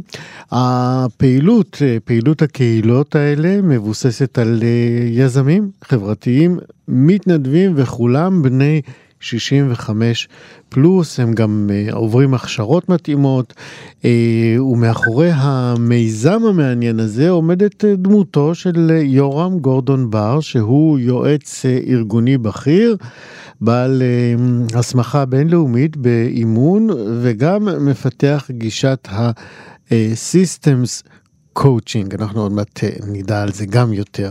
יורם גורדון בר הוא האורח שלנו עכשיו, בוקר טוב יורם. בוקר טוב. אז ספר לנו איך הכל התחיל. איך אה, התחילה הרקמה הזאת? מי טבע כן. את החוט הראשון? כן, אז אה, כמו כל דבר זה תהליך. אמ, אני היום בן 76, ועברתי להתגורר ביפו, עברנו להתגורר ביפו לפני אה, חמש וחצי שנים. ומתוך בחירה ומתוך הנאה ונהנינו וכן הלאה, אבל באותה תקופה אה, החלטתי להאט את הפעילות העסקית שלי, אה, של הבית ספר להכשרת מאמנים, קורצ'מי, ולהביא אותו למצב של אה, סגירה. ו...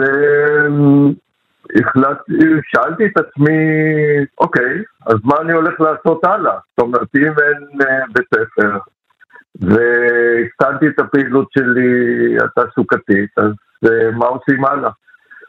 Uh, ועשיתי מה שאני בדרך כלל מייעץ לנועצים שלי או למתאמנים שלי לעשות, וזה ישבתי והגדרתי לעצמי חזון.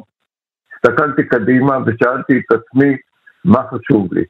אני חושב שהצורך נבע קודם כל, בראש ובראשונה, מכך שאחרי איזשהו שנתיים של מחיה ביפו וליהנות מכל מה שהטוב שיפו נותנת מבחינה תרבותית בבתי קפה וכן הלאה, מצאתי את עצמי בודד. במובן החברתי, משום שכל המעגלים החברתיים שלי נמצאים מחוץ ליפו, המשפחה נמצאת מחוץ ליפו, החברים נמצאים שיש לי איתם קשרים ארוכים. וזה, אה, העמקתי וחקרתי ולמדתי והבנתי שהייתי רוצה שתהיה לי איזושהי קבוצה או קהילה של חברים שאיתם אני אעבור את השלב הבא של החיים מתוך הנחה שאני אעשה כל מאמץ להמשיך לחיות אה, בדירתי ולא לעבור לשום מסגרת אה, אחרת שבני גילנו אה, עוברים אה, כמו דיור מוגן וכן הלאה. זאת אומרת, אתה אומר, אני, אה, אני, אתה, אה, מסתכל על אה, חייך בגיל הזה ואומר, אני רוצה לתת עוד משמעות בעצם לקיום שלי, וזה יקרה רק בסביבה הקרובה שלי. אז מה עושים בפועל? איך מתחילים לייצר פעילות שמקרבת אליך אנשים שאכפת להם כמוך? קודם כל, הדבר הבסיסי ביותר היה, זה אחרי שהגדרתי לי את החזון של רקמה, וחשבתי שזה לא מתאים רק ליפו, אלא זה יכול להתאים גם לכל האזורים העירוניים, אה, שהרבה אנשים, בעצם למדתי שלמעלה מ-80% מבני 65 פלוס שגרים בסביבה עירונית ממשיכים לגור בדירה שלהם ולא עוברים למסגרת אחרת. אז הסוגיה היא לא רק שלי פה ביפו, אלא סוגיה אה, ארצית. ולכן נכון. מה שעשיתי, הדבר הראשון שהייתי צריך לעשות כדי לתרגם את זה, זה למצוא מקום. בהנחה שאני אמצא אנשים כמוני, איפה ניפגש?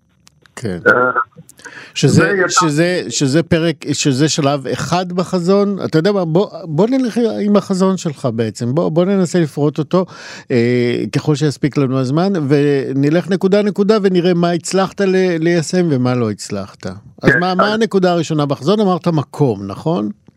לא, מה שאני אומר, אה, קודם כל לקחתי ושאלתי את עצמי באיזה אה, תפקיד אני רוצה לראות את עצמי בתוך החזון הזה. האם בתפקיד שמילאתי רוב שנות חיי המקצועיים להיות יועץ, כלומר לעמוד מבחוץ ולחפש איזושהי מסגרת לייעץ לה להקים דבר כזה, או שאני הולך, מה שנקרא ברגליים, לעשות את הפעילות, אה, להוביל פעילות כזאת, להתחיל אותה מאפס. וזאת הייתה החלטה אסטרטגית אחת. כלומר שאני הולך הפעם לא להיות יועץ אלא אני הולך להשתמש אולי בכישורים ובידע שלי ובניסיון שלי, כן, אבל אני הולך לעשות את זה בעצמי. והדבר הפרוזאי, כשמתחילים לרדת uh, לקרקע מהחזון, זה בעצם למצוא מקום, uh, זה להתחיל לחפש אנשים כמוני, זה לשאול איפה יש אנשים ביפו שהם בני גילי, שחושבים כמוני, שגם הם מרגישים שחסרה להם איזושהי מסגרת. אוקיי, אז איפה מצאת אותם? איך הגעת אליהם? אה, התחלתי, אמ, השתתפתי בחוגי התעמלות, ראיתי אנשים בני גילי, ניגשתי אליהם, הצעתי להם לבוא לאיזשהו מפגש, מה שנקרא אה, מבוא כזה, מפגש היכרות, אה, ו... הצעתי להם להזמין אם הם מכירים מישהו, להביא חברים. הלכתי למסגרות אה, של, של קופות החולים השונות. פגשתי את מנהל המרפאה, אמרתי לו, תציע לרופאים, אם הם מכירים אנשים עצמאיים שמקפצים מסגרת כזו, אנא, תמליץ להם להגיע, תן להם את הטלפון שלי ואני כבר אשוחח איתם וכן הלאה. הכנתי איזשהו פרוספקט, חילקתי אותו בבתים בתיבות הדואר.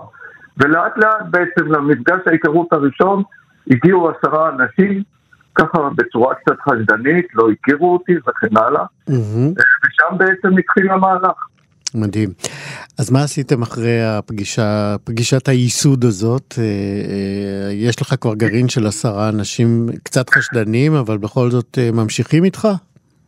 ממשיכים איתי, כי סקרנות, בדרך כלל הגרעין הראשון שמגיע זה אנשים סקרנים, בכל פעילות חדשה. ברור. כן, זה אנשים סקרנים.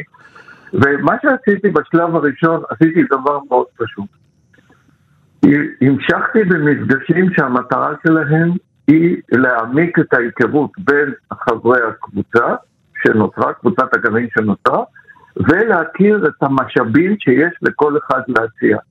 אחת הסוגיות... אבל, אבל אני, אני עוצר אותך, אבל אה, המפגשים האלה הם נעשו מתוך ידיעה שבעצם אה, אה, בסוף הכותרת של הפעילות הזאת זה לא סתם עוד אה, קבוצה שמתכנסת כדי להכיר זה את זה, אלא כדי לה, להקים משהו גדול מהקבוצה, איזה מיזם שהפעילות שלו נועדה לאנשים רבים אה, אה, ב, באזור, נכון?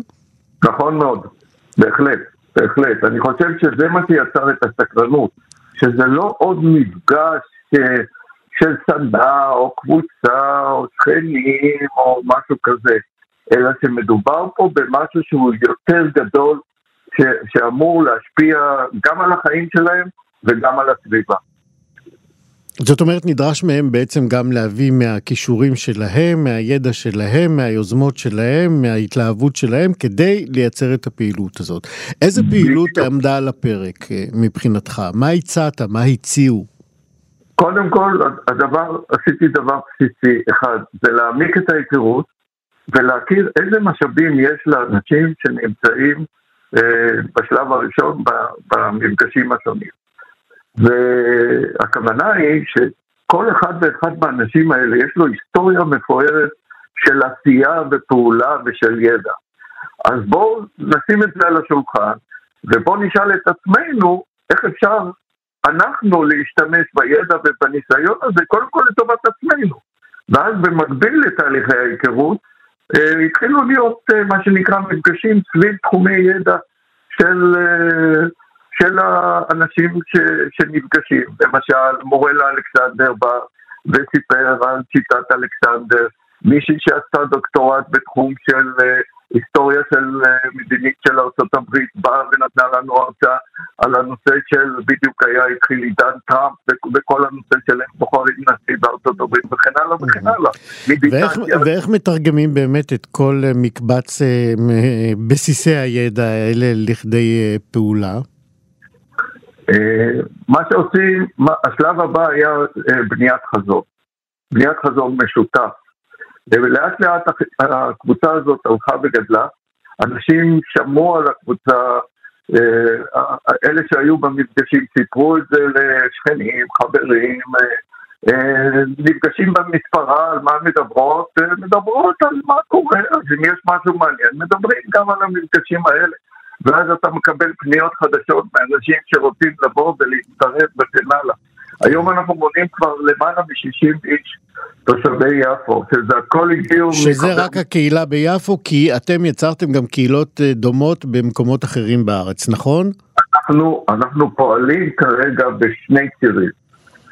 ציר אחד זה לחפש קהילות שדומות לנו, שישנם ברחבי הארץ, וליצור איתם יחסי גומלין. זאת אומרת, אה, ביקרו אצלנו למשל קהילה בפרדס חנה, באו, עשו טיול, למדו עלינו, ואנחנו מתכוננים לעשות uh, ביקור אצלם וללמוד מהעשייה שלהם.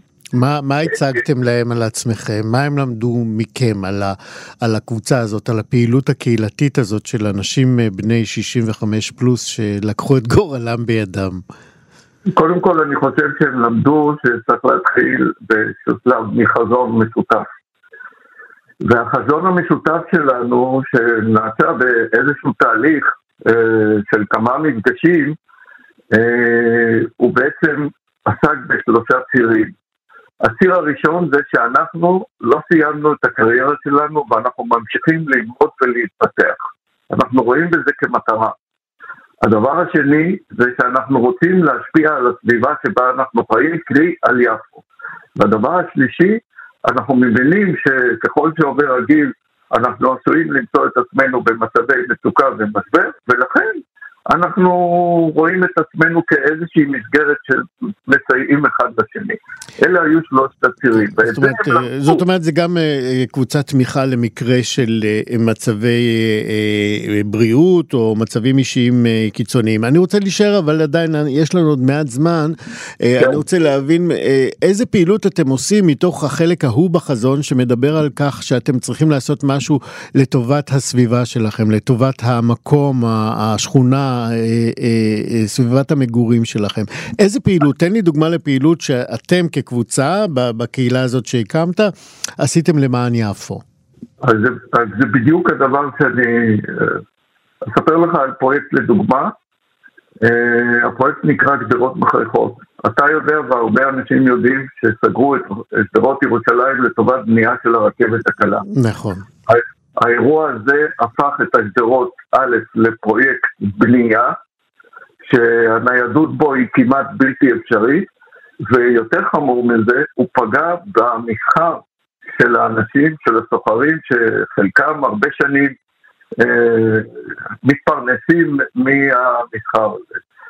אה, מה שעשינו, בעצם חיפשנו דרך איך להביא בכל זאת אנשים, דווקא במצב הזה של פרויקט הבנייה, ויצרנו את פרויקט גדרות מחייכות.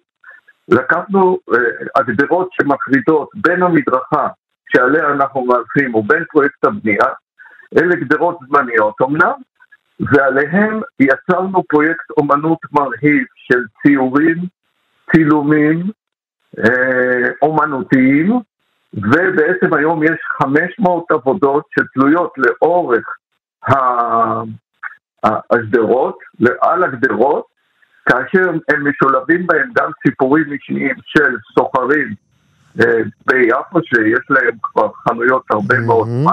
המטרה הייתה בעצם, א', לייפות את הפרויקט הזה, שתיים, והמטרה העיקרית אולי, השנייה, זה ליצור תנועה של אנשים בכל זאת שיגיעו ליפו, וכן לעזור לסוחרים במידה מסוימת לכך שהמסחר ימשיך להימשך. יפה, אז עכשיו אנחנו יודעים מי עומד מאחורי המיזם הנפלא הזה, היפה, שלקח את שדרות ירושלים, שהפכו באמת למפגע אה, תנועתי, למשהו שהוא גם נעים לעין.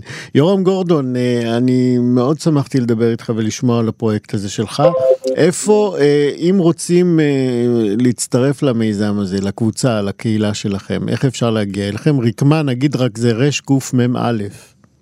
כן, זה רשת קהילות אה, מבוגרים אוטונומיות. כן. כן. והמטרה היא באמת ליצור גופים עצמאיים שבאמת אה, מפעילים את עצמם ומשתמשים בכישורים של כן. חבריהם. אז פשוט אה, לחפש רקמה רש קמ"א ברשת? בעיקר בפייסבוק. אין לנו אתר, יש לנו דף בפייסבוק, תחפשו רקמה רשת קהילות מבוגרים אוטונומית, תמצאו את הטלפון שלי שם ואתם מוזמנים להתקשר. גם קהילות אחרות במקומות אחרים, אני מוכן לתמוך בקהילות אחרות, בהקמה של קהילות אחרות, בעיריות, אני כרגע הולך להתחיל לעשות עבודה עם עירייה אחת שלא מתרחבת וגם פוגעת לא מעט באוכלוסייה של הזקנים המבוגרים בישראל. אה, אנחנו רוצים לדבר על זה עכשיו אה, כדי להבין ככה יותר את מדיניות סגירת הסניפים הזאת ואיך מתמודדים איתה. ביקשנו לדבר עם שחר אילן, שהוא הכתב והפרשן החברתי של העיתון כלכליסט. שלום שחר. צהריים טובים. בהחלט. אז אתה אומר מצד אחד שאי אפשר שלא לסגור סניפים, אתה אומר זה כמו לנסות לעצור את הגלים בידיים. למה בעצם? כי כולנו אה, ביום-יום מייתרים את הסניפים. פעם הפקדנו, פעם הלכנו ועמדנו בתור להפקיד צ'קים. אחר כך הפקדנו אותם במכונה בסניף. והיום אנחנו מצלמים אותם בסמארטפון. אה, עברנו ל... אה, פעם שילמנו במזומן, אה, עברנו לשלם בכרטיסי אשראי, אה, עכשיו אנחנו משלמים בסמארטפון, כאילו כולנו כל הזמן, כולנו כל הזמן מייתרים את עבודת פקידי הסניפים. עכשיו רובנו עושים את זה כי זה הרבה יותר נוח לנו. השאלה היא איך אנחנו מתמודדים עם, עם החלק היותר מבוגר של האוכלוסייה, שמאוד קשה לו להסתגל לדברים האלה. וזה, אבל עכשיו,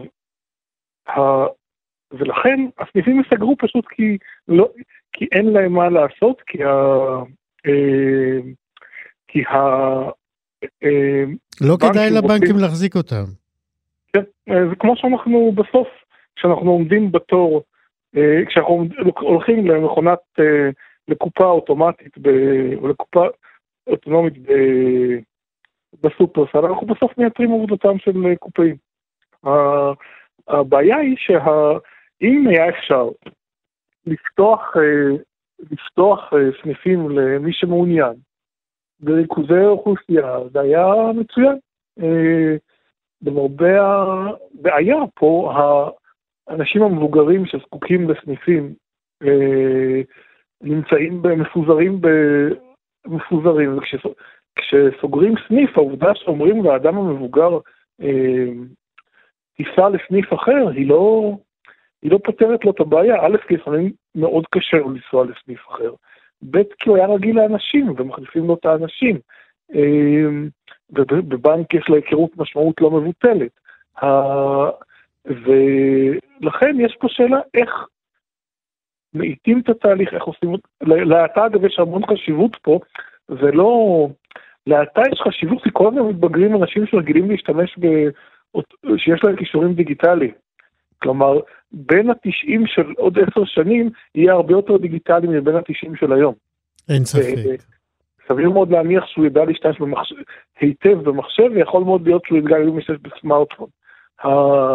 עכשיו, אמ, והשאלה איך הם מאיטים את הקצב, מה שאגב נעשה בשנים האחרונות, כלומר, אה, אם אני מסתכל על הנתונים, היינו עם, אה, אה, היינו עם 1,200 סניפים ב-2012, אנחנו עכשיו עם 1,050, אבל ב-2016 מספר הסניפים ירד ב-3%, וב-2019 רק באחוז אחד. כי מה, הייתה כאן התערבות של המפקח על הבנקים?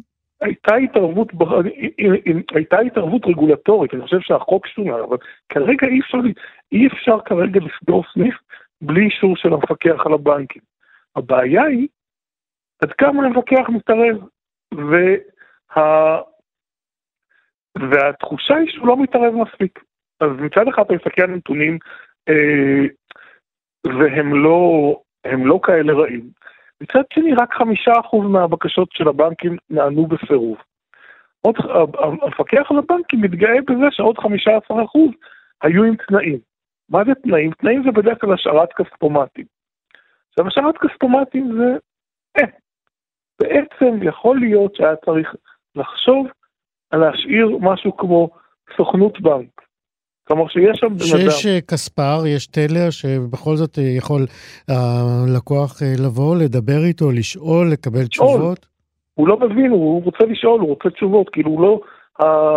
החוסר האונים מול המכונה הוא... אה, דבר שצריך לרכך אותו. אז האם המצב יותר טוב? אה, כן. האם הוא יכול להיות הרבה יותר טוב? גם כן. האם אנחנו נצליח לעצור את סגירת הבנקים? אני מאוד חושש אה, שלא. אגב, זו בעיה גם לא מבוטלת לשוק העבודה, אם תחשוב על זה.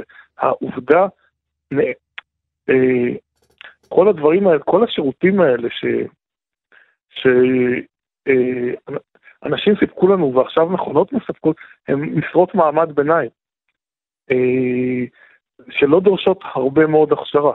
הולכות ונעלמות משוק העבודה המשרות, משרות מעמד הביניים שלא דורשות הכשרה. מה אומרים לך ב, ב, ב, בפיקוח על הבנקים אה, כאשר אתה מדבר איתם על זה? אה, שזה לא עניינם?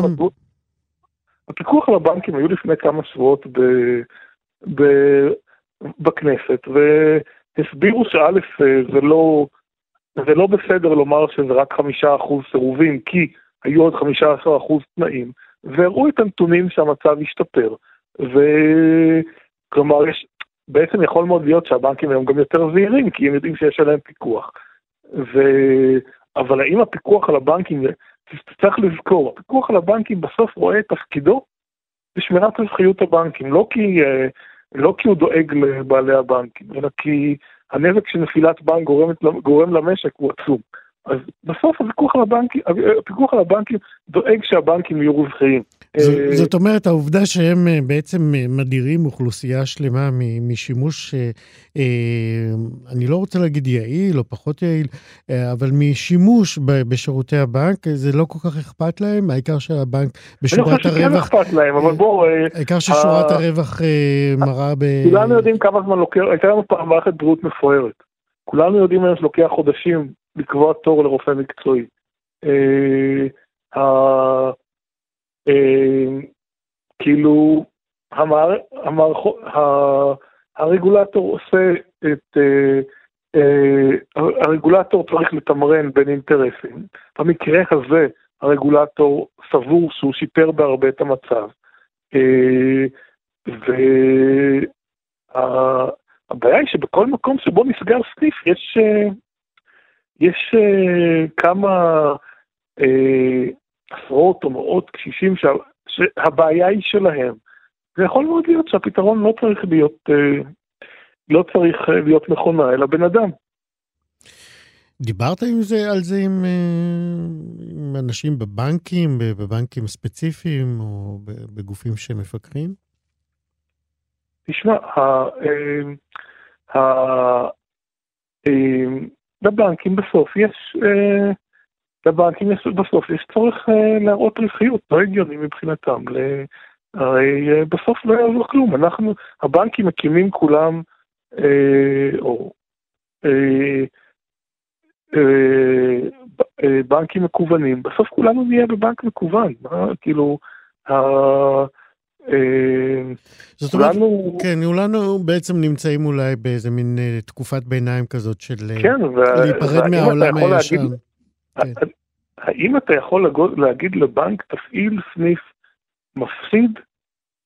אה, אני הייתי אומר, הם מרוויחים כל כך הרבה כסף מאיתנו, אז אה, לא להפסיד, אבל להקצות יותר משאבים כדי לשים למשל פקיד במקום לסגור את הסניף לגמרי. אז בהחלט יש מקום לשיפור. כן.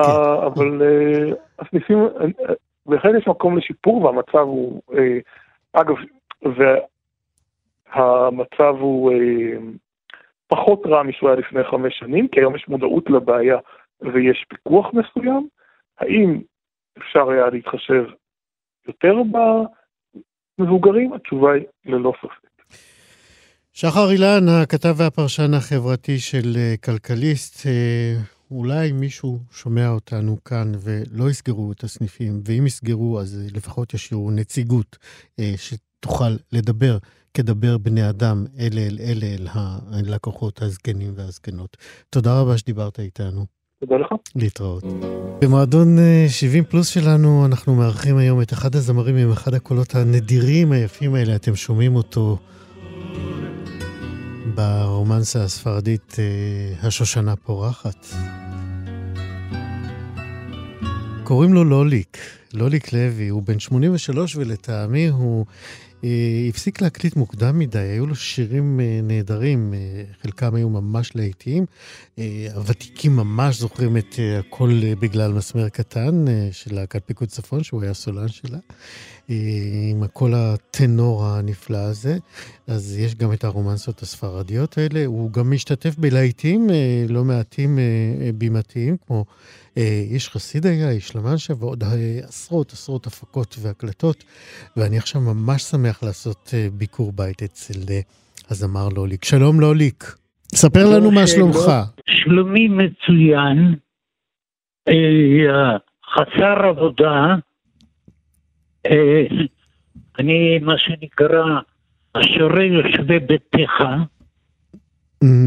וההצעות היחידות שקיבלתי מהופעותיי בבתי אבות בירושלים, זה שאם אני מוכן להישאר איתם. ואתה לא מוכן. אני אגיד לך, הופעתי חמש הופעות, שולי נתן, ואחת מה... ואני אומר, שואל מי דובר לדינו או ספרדית, כי אני מדבר חמש שפות על בוריין, ואז כשרק אחד הצביע באצבע ואמר יוסוי, אז הבנתי שהוא יודע, ושרתי לו אברהם אבינו. אז הוא אחר כך ניגש אליי ואומר לי, תשמע, אין פה אף אחד ששר ומדבר כמוך, אני מוכן לפנות לך מקום בחדר שלי, תישאר איתנו. ואני אמרתי לו, תשמע, אני בקרוב חוגג 84, ויש לי עוד זמן, יש לי הרבה תוכניות בלטינו, עם להקת פלמנקו, ויש לי שירים עבריים, ויש לי כל מיני אה, תוכניות שאני אה, עוד צריך להופיע, והוא אמר, חבל, אין פה באמת אף אחד. וזה חמישה בתי אבות שעברתי באותו יום בירושלים, בחרקל טנק, מה שנקרא, ואמרתי, וואלה, אם אני אקבל הצעות, אני אהיה חבר כבוד כל חמשת בתי האבות. לוליק, אני רוצה להחזיר אותך ללהיט, אולי הלהיט הראשון שלך, הכל בגלל מסמר קטן, נכון? כן, אה, אבל אני לא שומע אותך כל כך טוב. אני אומר, הלהיט, השלאגר הגדול הראשון שלך היה כן. כשהיית בלהקת פיקוד צפון, נכון? נכון. הכל בגלל מסמר. נעמי שמר. כן, נכון. ספר לנו על השיר הזה.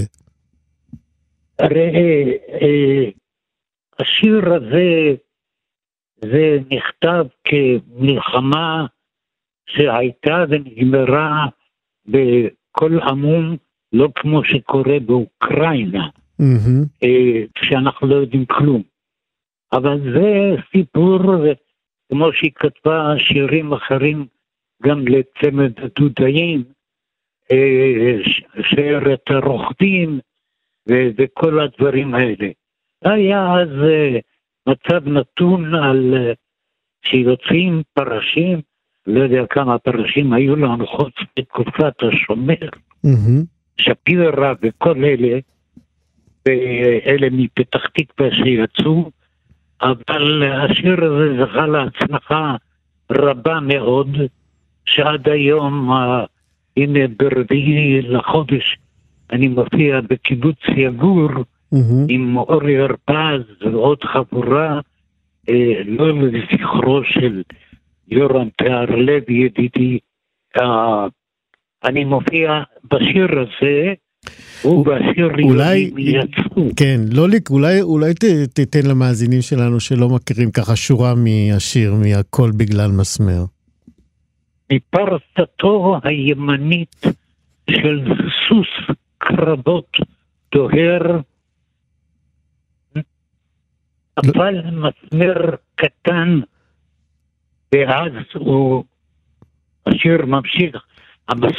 לא, אני רוצה, לוליק, אני רוצה שתשיר, כי לדקלם גם אני יודע, אבל אני גם זוכר את השיר, כי אבא שלי שר לי אותו מפרסתו הימנית. מפרסתו הימנית של סוס קרבות דוהר. נהדר.